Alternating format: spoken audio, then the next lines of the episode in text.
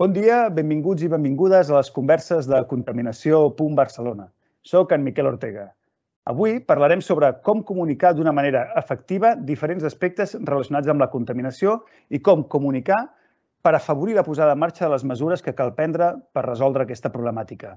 Per fer-ho, contem amb la Cristina Ribas, que és periodista i professora de periodisme a la UPF i ha treballat durant molts anys en l'àmbit de la contaminació. Eh, sense més, eh, benvinguda, Cristina, i moltes gràcies per voler participar en aquestes converses. Gràcies a tu. Moltes gràcies per convidar-me. Si et sembla, comencem amb una pregunta potser clàssica en termes de sí. comunicació, però que em sembla rellevant, que és, eh, en, en l'àmbit de la contaminació, què és més efectiu? La contaminació en termes positius o en termes negatius, en termes, per exemple, d'impacte sobre la, la salut? I, I en quins contextos? Què n'opines? Doncs mira, es fa un... O sigui, hi ha molt discurs sobre això i sempre es diu que la comunicació en positiu arriba molt més enllà. O sigui, això és un discurs molt de la publicitat, que té, té raó en part, eh?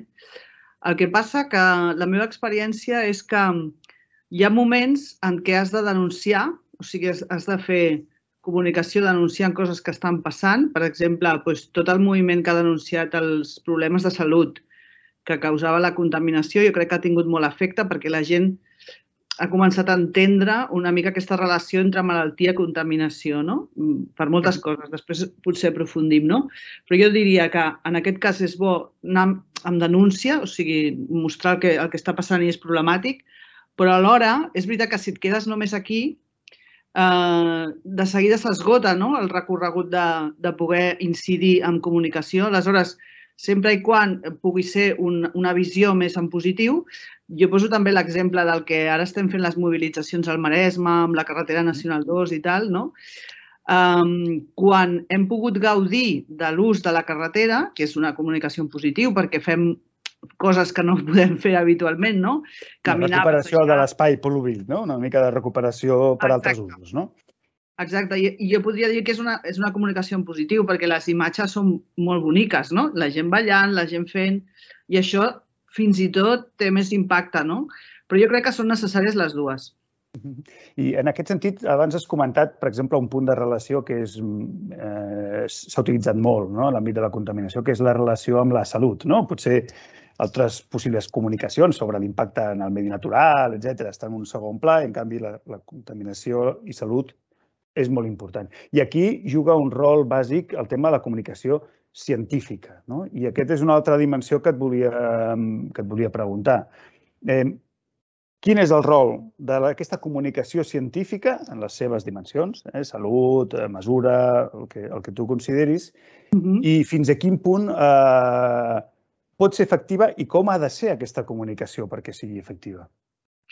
Jo crec que tothom pot participar en la comunicació, eh? però un dels punts claus per la, per la ciència, diguem-ne, és que aportin evidències. I jo crec que això és, és el seu rol. Val? Els hi toca doncs, fer estudis, explicar-los bé, saber quines limitacions tenen, però sobretot evidències, perquè això són arguments per després que tota la resta d'actors implicats que estan fent comunicació sobre el tema tinguin bases sòlides. O sigui, aquest seria el seu primer...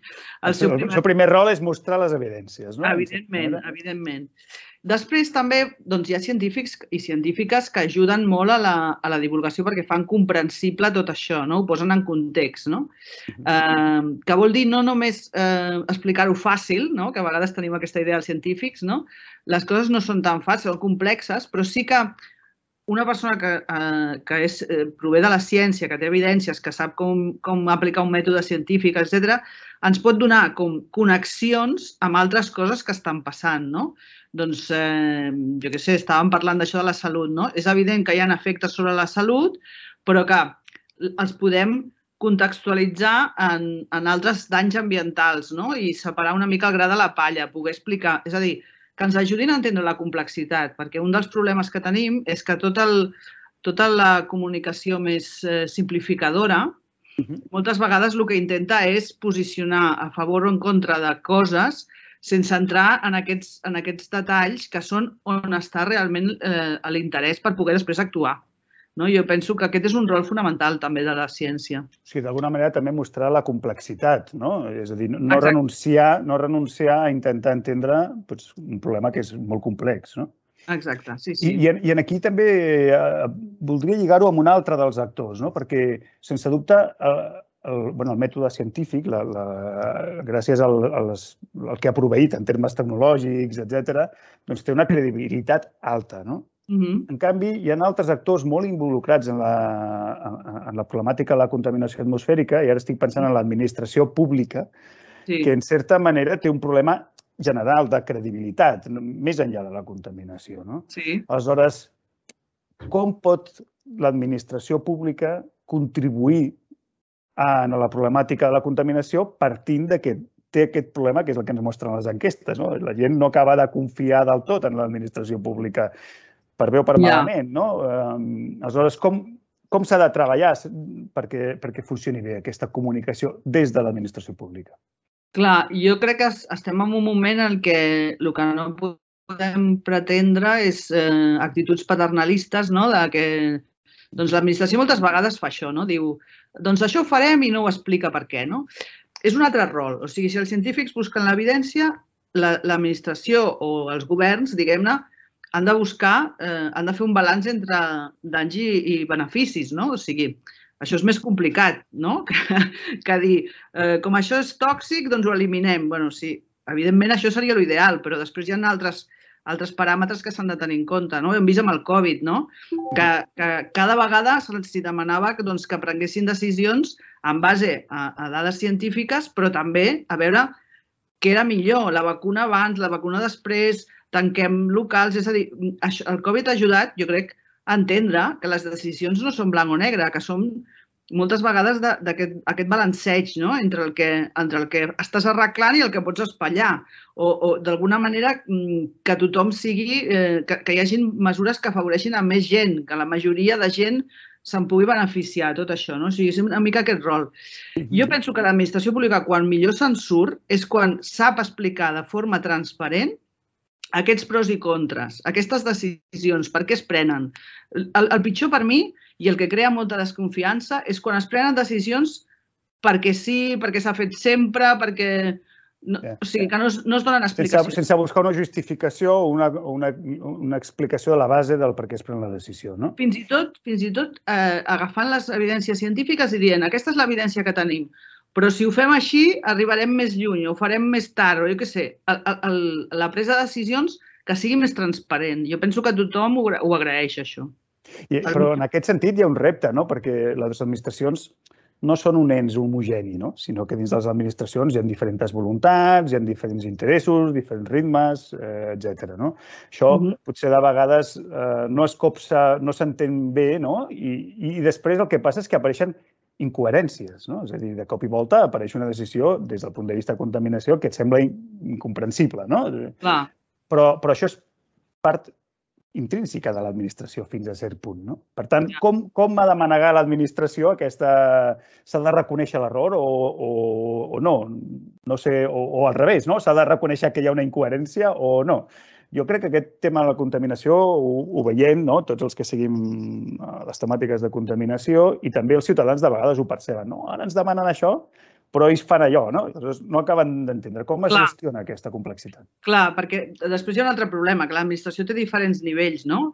Té el nivell europeu, el nivell autonòmic, tal, i tot això és molt difícil. Jo crec que a Barcelona, quan es va fer la zona baixes emissions, que es va, es va, es va fer un consens entre les administracions, almenys locals, eh? o sigui, Ajuntament, AMB i Generalitat, i van decidir no fer d'això un, un, una batalla política, que jo crec que això està molt bé, però a més a més van intentar consensuar els tempos, no?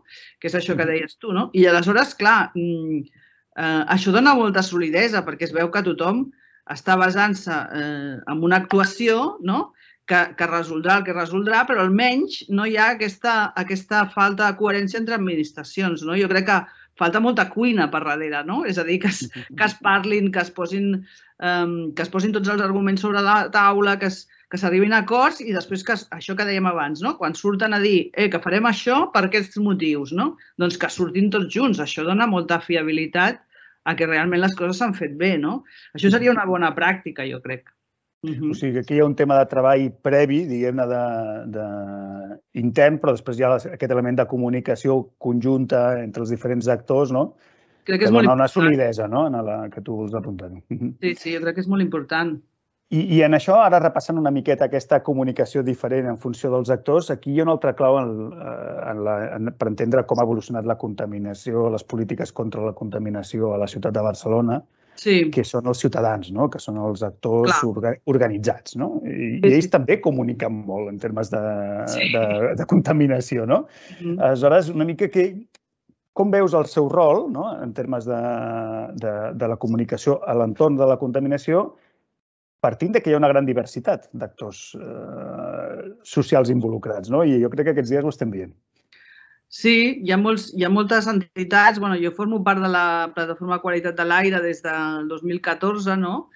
que va començar com un espai comú entre entitats molt diverses, però que tenien un objectiu comú. No? Jo crec que, això també és, és positiu perquè, perquè es veu una mica des de fora, això dona solvència en el sentit de... Arribem a la mateixa conclusió, que és que la contaminació és, és dolenta, no? Però és una mica com, les, com parlàvem abans de les administracions, no? Exacte. El fet, diguem-ne, d'ajuntar actors que en Exacte. principi no són els mateixos, però que presenten una, una proposta conjunta, no? Sí, sí, sí. Per, per això jo crec que era, era, era interessant, perquè per pri- primer cop doncs, hi havia doncs, entitats veïnals, entitats que potser estaven més preocupades pels accidents, més per per la, per la salut, eh, científics, és a dir, era una amalgama de gent que, que veia un problema i eh, des de punts diversos doncs, buscava una solució. No? Que, com ha evolucionat això? Doncs també és interessant veure com ha evolucionat, perquè per un costat des del punt de vista d'impacte comunicatiu, el que s'ha vist és que aquestes spin-off que han sortit de, de, de l'àmbit escolar, dels nens, Uh -huh. funcionen molt millor. És a dir, la revolta escolar, el, el tema de, del bicibús... o sigui. Uh -huh. tot, quan hem especialitzat en el públic, diguem-ne, més nens, no? infants, mm, doncs tenim més, tenim més, eh, més impacte. Per què? Pues, mira, perquè la gent es preocupa més pels seus fills, no? Suposo que no, que no per un mateix, però això és així, no? I, I això ha tingut més impacte. I un altre efecte que també hem vist, sobretot arrel de, de la pandèmia, és territorialitzar-ho, no? És a dir, doncs, Uh -huh.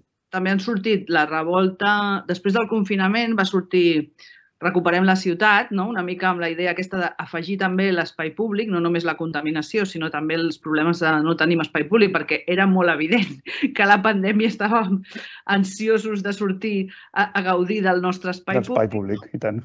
Llavors, aprofitar aquest moment, perquè això és, és el que fa la publicitat, eh? per tant, eh, hem après, no? Quan ap- aprofites un moment en què hi ha una conversa sobre un tema i hi ha percepció directa de la ciutadania sobre allò, quan tu expliques la teva, la teva demanda eh, vinculada amb aquesta actualitat i aleshores funciona molt bé, no? I és el que va passar. I això ens ha permès que eh, recuperem la ciutat, doncs ara té molts nuclis d'activisme eh, ciutadà a molts eh, pobles i ciutats de Catalunya, no? I, i s'han fet talls eh, l'anomenem les autopistes urbanes, no? O sigui, treure aquestes autopistes urbanes que contaminen molt, però que Això també són llançaments de conceptes, no? O sigui, hi ha idees, conceptes que, que, que es van aportant Clar, sempre declinacions, per entendre'ns, no? de, de problemàtiques que, que són de llarg termini, no? perquè aquesta és una de les característiques dels temes de la contaminació, no és una cosa que resolguin un dia a l'altre, no? i per tant suposo que en termes comunicatius és important anar refrescant el discurs no? D'alguna manera. Mira, no?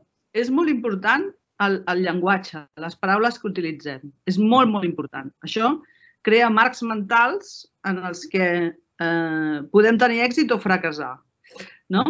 I és està com, clar com això de tallo el carrer o allibero l'espai, no? M'ha fet gràcia que ho comentaves, no? Exacte, exacte. Això és fonamental perquè la comunicació funciona així. O sigui, són eh, conceptes que els omplim de contingut perquè nosaltres ja tenim prèvies, no? Quan algú et diu eh, tallem un carrer, només estàs pensant en els vehicles. En canvi, quan jo et dic obrim un carrer, d'entrada et quedes sorprès, que dius obrim? Què vol dir obrim? Mhm. I aleshores penses en què has de donar la volta al, al, a l'actor, no? que en realitat no és el vehicle, és el vianant o la persona. No? O sigui, imagina't que amb, unes, amb un sol canvi de verb, amb un, amb un... escollint bé les paraules, pots actuar sobre el que estem eh, eh, reivindicant. Percebent, reivindicant. No? Clar, jo, jo ara aquí estava pensant eh, una campanya eh, anglesa, crec recordar, sobre temes de contaminació que tractaven de visualitzar la contaminació, perquè la contaminació és difícilment tangible, no? És, és, eh, no, no es veu l'atmosfèric que estem parlant, per suposat. No? Sí, sí, sí. sí. Eh, suposo que aquest és un dels reptes, no? Com visualitzar, encara que sigui mentalment, aquesta, aquesta problemàtica, no? Clar, sí, sí, sí. Eh, eh, això també eh, estem en una època de l'audiovisual i, i, clar, no tenir una imatge, no? Eh, a vegades a la, a la, a la plataforma utilitzem una diapositiva en què t'ofereixen un got eh, d'aigua túrbia i un got d'aigua eh, net, o sigui, transparent, no? I no tens cap dubte. I estàs entenent, amb una imatge, sense que jo t'expliqui res, estàs entenent què passa. Clar, amb la contaminació no tenim aquesta imatge i això és un, això és un problema, no? Perquè no et diem, no sé, clar, eh, mira't aquesta imatge, sí que tenim la típica aquella de la boira sobre Barcelona i no sé què, però, clar, mm, no és... No té, la, no té la força, no?, d'alguna no manera. Clar, clar, clar. Jo recordo que mm, en aquest sentit, crec que era a Londres, van fer una campanya bastant eh, impactant, no?, de, eh, una mena com de globus de colors no? que, que, que se'l bevien, no? Era com si se'l beguessin, però bevien. I aleshores això, eh, si, certament, sobtava molt, no? Era, era molt mm, força impactant. Deixa'm preguntar-te una cosa, perquè has, parlat, has posat èmfasi dues vegades en la idea de diferents col·lectius que van junts i que sí. això ajuda a comunicar molt bé. Tornant també en el marc anglès aquest, perquè sí. en termes de comunicació moltes vegades fan coses interessants, no? Sí, tant, tant. Um, en temes de contaminació, tot sovint, quan han d'impulsar mesures, eh, s'han presentat, jo he vist rodes de premsa conjunts de l'administració pública, els actors científics o metges, etc i també empresaris, no? Empresaris de, per exemple, la distribució de mercaderies, recordo alguna de les rondes i alguna de taxistes eh, conjuntament, no? És a dir, i, i actors socials. Per tant, potser hi ha més variació allà que aquí, no? en, en termes de, de presentació d'iniciatives i de comunicació. Clar, això suposo que seria una manera d'enriquir la comunicació també en termes de comunicació, no? perquè està com molt segmentada. Això seria fantàstic, perquè això, eh, o sigui, voldria dir que hem arribat a un punt en el que hi ha un, un consens molt gran en què s'ha d'actuar en una direcció determinada, no? I això comunicativament dona molta potència, no? Perquè eh, clar, els pocs dubtes que puguis tenir doncs, seran molt, molt menors, no? Si, si tots aquests actors s'estan dient el mateix i t'argumenten i tots van a una, home, la, la dissidència, diguem-ne, serà difícil, no? Hauràs de mm-hmm. situar-te molt fora, no?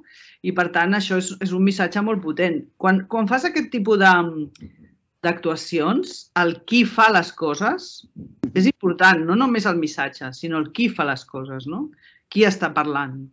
Jo crec que això és, és, és clau. I, I bé, aquí, malauradament, és, és difícil a vegades eh, que es pugui fer això. No, segur, perquè no, no ha estat menys treballat. En, eh, no s'ha aconseguit, no? Fins ara, diguem no, no sé si s'ha intentat, eh? però no s'ha aconseguit vegades, gaire. No? A vegades sí, o sigui, la, la plataforma vam fer una... Eh, quan recuperem la ciutat després del confinament, vam demanar a molts metges i gent del món de la salut que signés.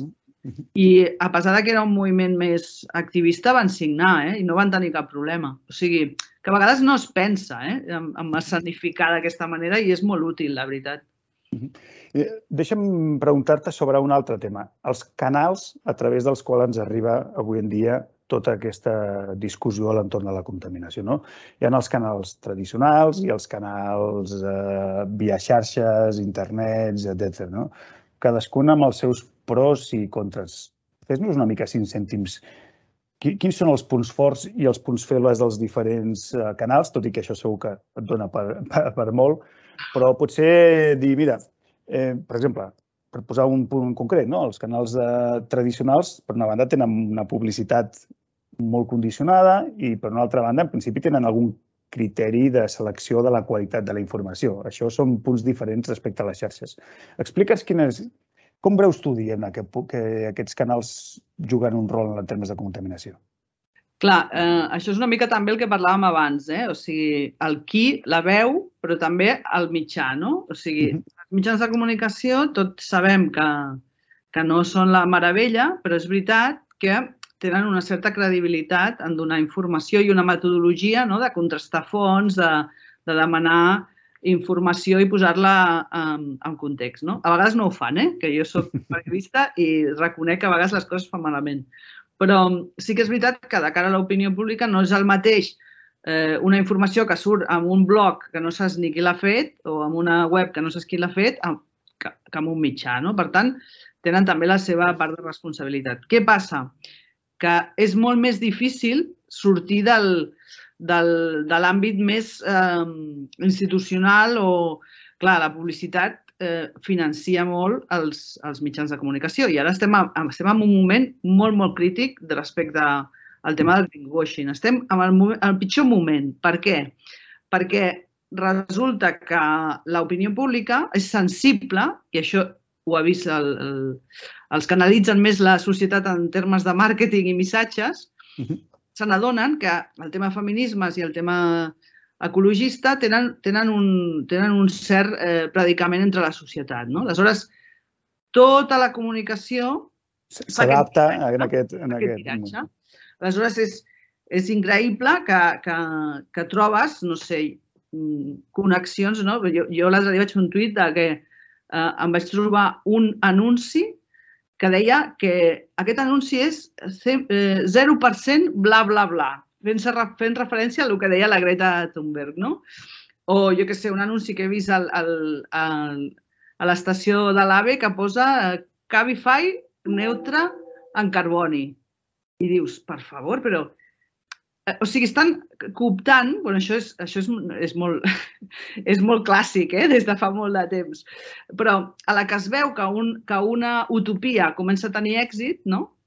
eh, s'utilitza eh, en benefici de la, de la publicitat i del que ens estan venent. El problema és que, clar, eh, aleshores tots els missatges queden molt diluïts, no? Clar, cost, costa diferenciar aleshores, no? Perquè ja, ja no saps quina és la, quina és la font o com, com informar-te, no?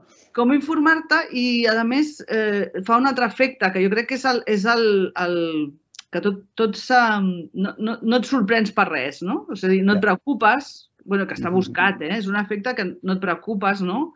Les notícies les veus més toves del que són, si són greus, no sé, és un efecte molt estrany, no?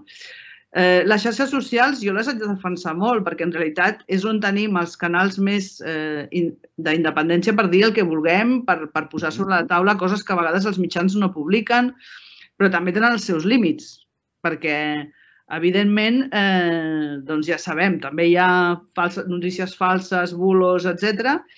I, I a més a més, clar, una campanya amb xarxes socials no té el mateix impacte que una campanya de publicitat mm, a mitjans tradicionals. Eh, clar, si comparem contingut, si comparem per, eh, contingut periodístic amb contingut eh, que puguin haver les xarxes, aquí eh, i nosaltres sempre diem que és un ecosistema que es comunica, no? Vull dir, uh -huh. coses que apareixen a les xarxes de fons fiables, en principi, que poden ser científics, però poden ser activistes, etc, poden acabar sortint als mitjans amb informacions ben contrastades, no? O sigui, eh, hem de treballar amb, amb aquest entorn, o sigui, això no ho canviarem. Jo sí que voldria fer més èmfasi en els mitjans públics audiovisuals, perquè aquí sí que podem demanar i exigir que no hi hagi aquest greenwashing, podem demanar que hi hagi informació rigorosa, que normalment hi és, però que es dediqui a aquests temes de contaminació, de canvi climàtic, etc. O sigui, jo crec que el, nostre paper de ciutadania organitzada Uh -huh. uh, en aquests és temes... És un tema de, de focus, no? De dir, escolta, un, heu de posar un focus també en aquesta, en aquesta temàtica, no? Que ho fan, ho fan amb, amb casos molt concrets i, i professionals molt concrets i tal, i programes molt concrets, i és d'agrair i s'ha de dir, s'ha de, de dir perquè, perquè realment estem en un entorn complicat. Eh, ja, ja es fa, però es fa poc. Després eh, vens i parles de qualsevol altra cosa que és greenwashing i, i clar, ho barreges tot. O sigui, jo en els mitjans públics sí que crec que els hem d'exigir eh, un rigor i un focus. I, i canviant, diguem-ne, a l'altra banda, no? hem parlat de, de, de rigor eh, explicatiu no? de, de, de la problemàtica, i el component emocional. No? O sigui, a la, a la publicitat sempre ha estat present, no? Sempre, sempre, sí, sí. En l'àmbit de la mobilitat vinculat a llibertat i conceptes molt abstractes, molt llunyans, verdaderament, del projecte que, que ens Sí, venen, sí. no? Um, què passa amb la contaminació? Com ho hem de treballar, aquesta, aquesta component emocional? Mira, jo no, no, no ho sé exactament, eh, però coses que funcionen. Eh, Mhm, el, exacte. que, el que et deia abans del, del, de la carretera, no? que fem aquestes, aquestes manifestacions a la carretera, que la gent tal... És a dir, eh, emoció també és eh, agafar la gent que experimenti coses, no? A vegades la comunicació ens sembla que és un missatge que empaqueto i, saps, com un procés molt, molt estandarditzat, no? Faig un missatge, faig un vídeo o faig una publicació a les xarxes i tal. Però, en realitat, n'hi ha prou amb que la gent mm, experimenti per si mateixa coses, no? Mhm. Eh, això, que, això és un exemple molt clar. Quan, quan la carretera es- es s'obre la gent i està allà el trànsit, no? la Nacional 2, que és un lloc que és perillós, que tot, tot els, totes les famílies han educat els seus fills com fuig d'aquí, no? això toca, a més, un soroll sempre mm, bestial. Només dues hores, el diumenge al matí, deixes que la gent la trepitgi, que els nens juguin, que sembla com, com màgic, no? Estic, estic jugant en un lloc prohibit, no? Que la gent jugui, que, que balli, que es canti, que es, que es facin mil coses. Fins i tot una persona va agafar una taula d'una terrassa i la va posar al mig de la carretera, es va sentar i va començar a prendre un, una cervesa, no? Clar, la cara d'aquesta persona i, i el que ell està experimentant, eh, això transmet molt. És, és una emoció que, que no fa falta eh, complicar-se massa. Elaborar, no? Diguem-ne, és, és molt vivencial, no? Molt proper. I sí, jo penso que en termes de contaminació, el, el, el respirar millor, que no... A vegades ens costa entendre això, no? Respirar millor, no? Bueno, amb un En, en, el soroll, en el soroll sí que es veu molt evident, Clar, no? En el soroll, clar, el clar, soroll clar. sí que és una percepció, per exemple, amb la Covid va ser molt clara, per tothom ho comentava, no? Escolta'm, que, Sí. que bé està la ciutat, no? No, no està la ciutat estressada en aquest punt, no? Clar, sí, sí, tens raó. El soroll, perquè el respirar bé, doncs, mira, malauradament no, no, no ens n'adonem, però el respirar ai, el, el soroll i després aquesta sensació d'apropiació de l'espai, no? que és un tema eh, que està relacionat amb la contaminació que, que jo crec que dona molt de sí ara mateix. No? O sigui, és, és, una, és una carta guanyadora, diguem-ne. No? Quan la gent experimenta, quan la gent eh, pot fer tots aquests usos que normalment li són prohibits, i se n'adona, fem aquest canvi de xip, no? És, és, provocar aquest canvi de xip és molt poderós, no? Molt poderós. Escolta'm, eh, hem d'anar acabant perquè si no s'extén molt a- aquesta peça, però deixa'm fer-te una darrera pregunta perquè és un tema que, que surt tot sovint, no? sobretot quan parlem de canvis, de canvis a, a l'entorn de la contaminació. Potser una mica menys quan parlem sobre com impacta de manera diferenciada la contaminació. No? Però és aquest tema distributiu que tenen les, les contaminacions. No? La contaminació afecta la gent gran, la contaminació afecta especialment als petits, afecta a tots, però hi ha col·lectius especialment afectats. Uh -huh. I els canvis també afecten de manera diferent a, la, a les diferents segments de la societat. No? Mm. Jo tinc la percepció de que de vegades no es treballa gaire la comunicació en aquest sentit d'impactes desiguals en el col·lectiu. M'agradaria saber què en penses tu, és a dir, si, si es treballa, si no es treballa, si té una potencialitat, si és necessari o, o, o si hi ha doncs, gent que sí que ho ha treballat, no? que, que aquest tema de la desigualtat i de, i de l'impacte diferenciat. Ho dic perquè vivim en una societat tan desigual, eh? que també en temes de contaminació hi és i que potser és un tema que a mesura que s'hagin de prendre, que es prenguin mesures més rellevants, eh, potser serà més rellevant també aquest tema de la desigualtat, no? Sí, eh, evidentment tornem allò del, del negatiu al positiu també, no? O sigui, perquè podem posar el focus en la minoria que, que utilitza el vehicle, per exemple, no? que, que tenen uns determinats privilegis, no?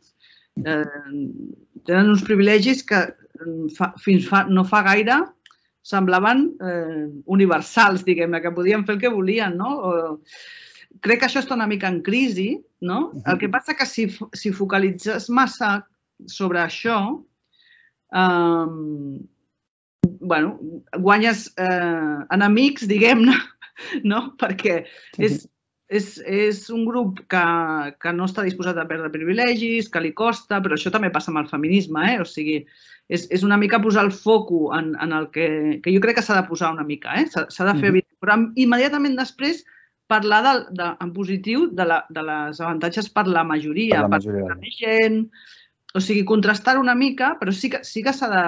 Estic d'acord amb tu, eh? perquè al final qui està utilitzant massivament el transport públic doncs, és un perfil de persones amb, uns, amb unes rendes més baixes, amb moltes dones... Eh, és a dir, mm, hem de lluitar perquè aquesta majoria eh, pesi més, no? Una altra cosa que també passa en els mitjans, desgraciadament, és que està un poc representada aquesta majoria, no? Està més representada aquest petit percentatge i, i això, com, com deia abans, no? tornem als mitjans públics. No? Els mitjans públics sí que els hi podem exigir que tinguin una representativitat, perquè són de tots, no? que tinguin una representativitat més, més adequada a la seva societat, a la societat a la qual estan servint, no? perquè són servei públic.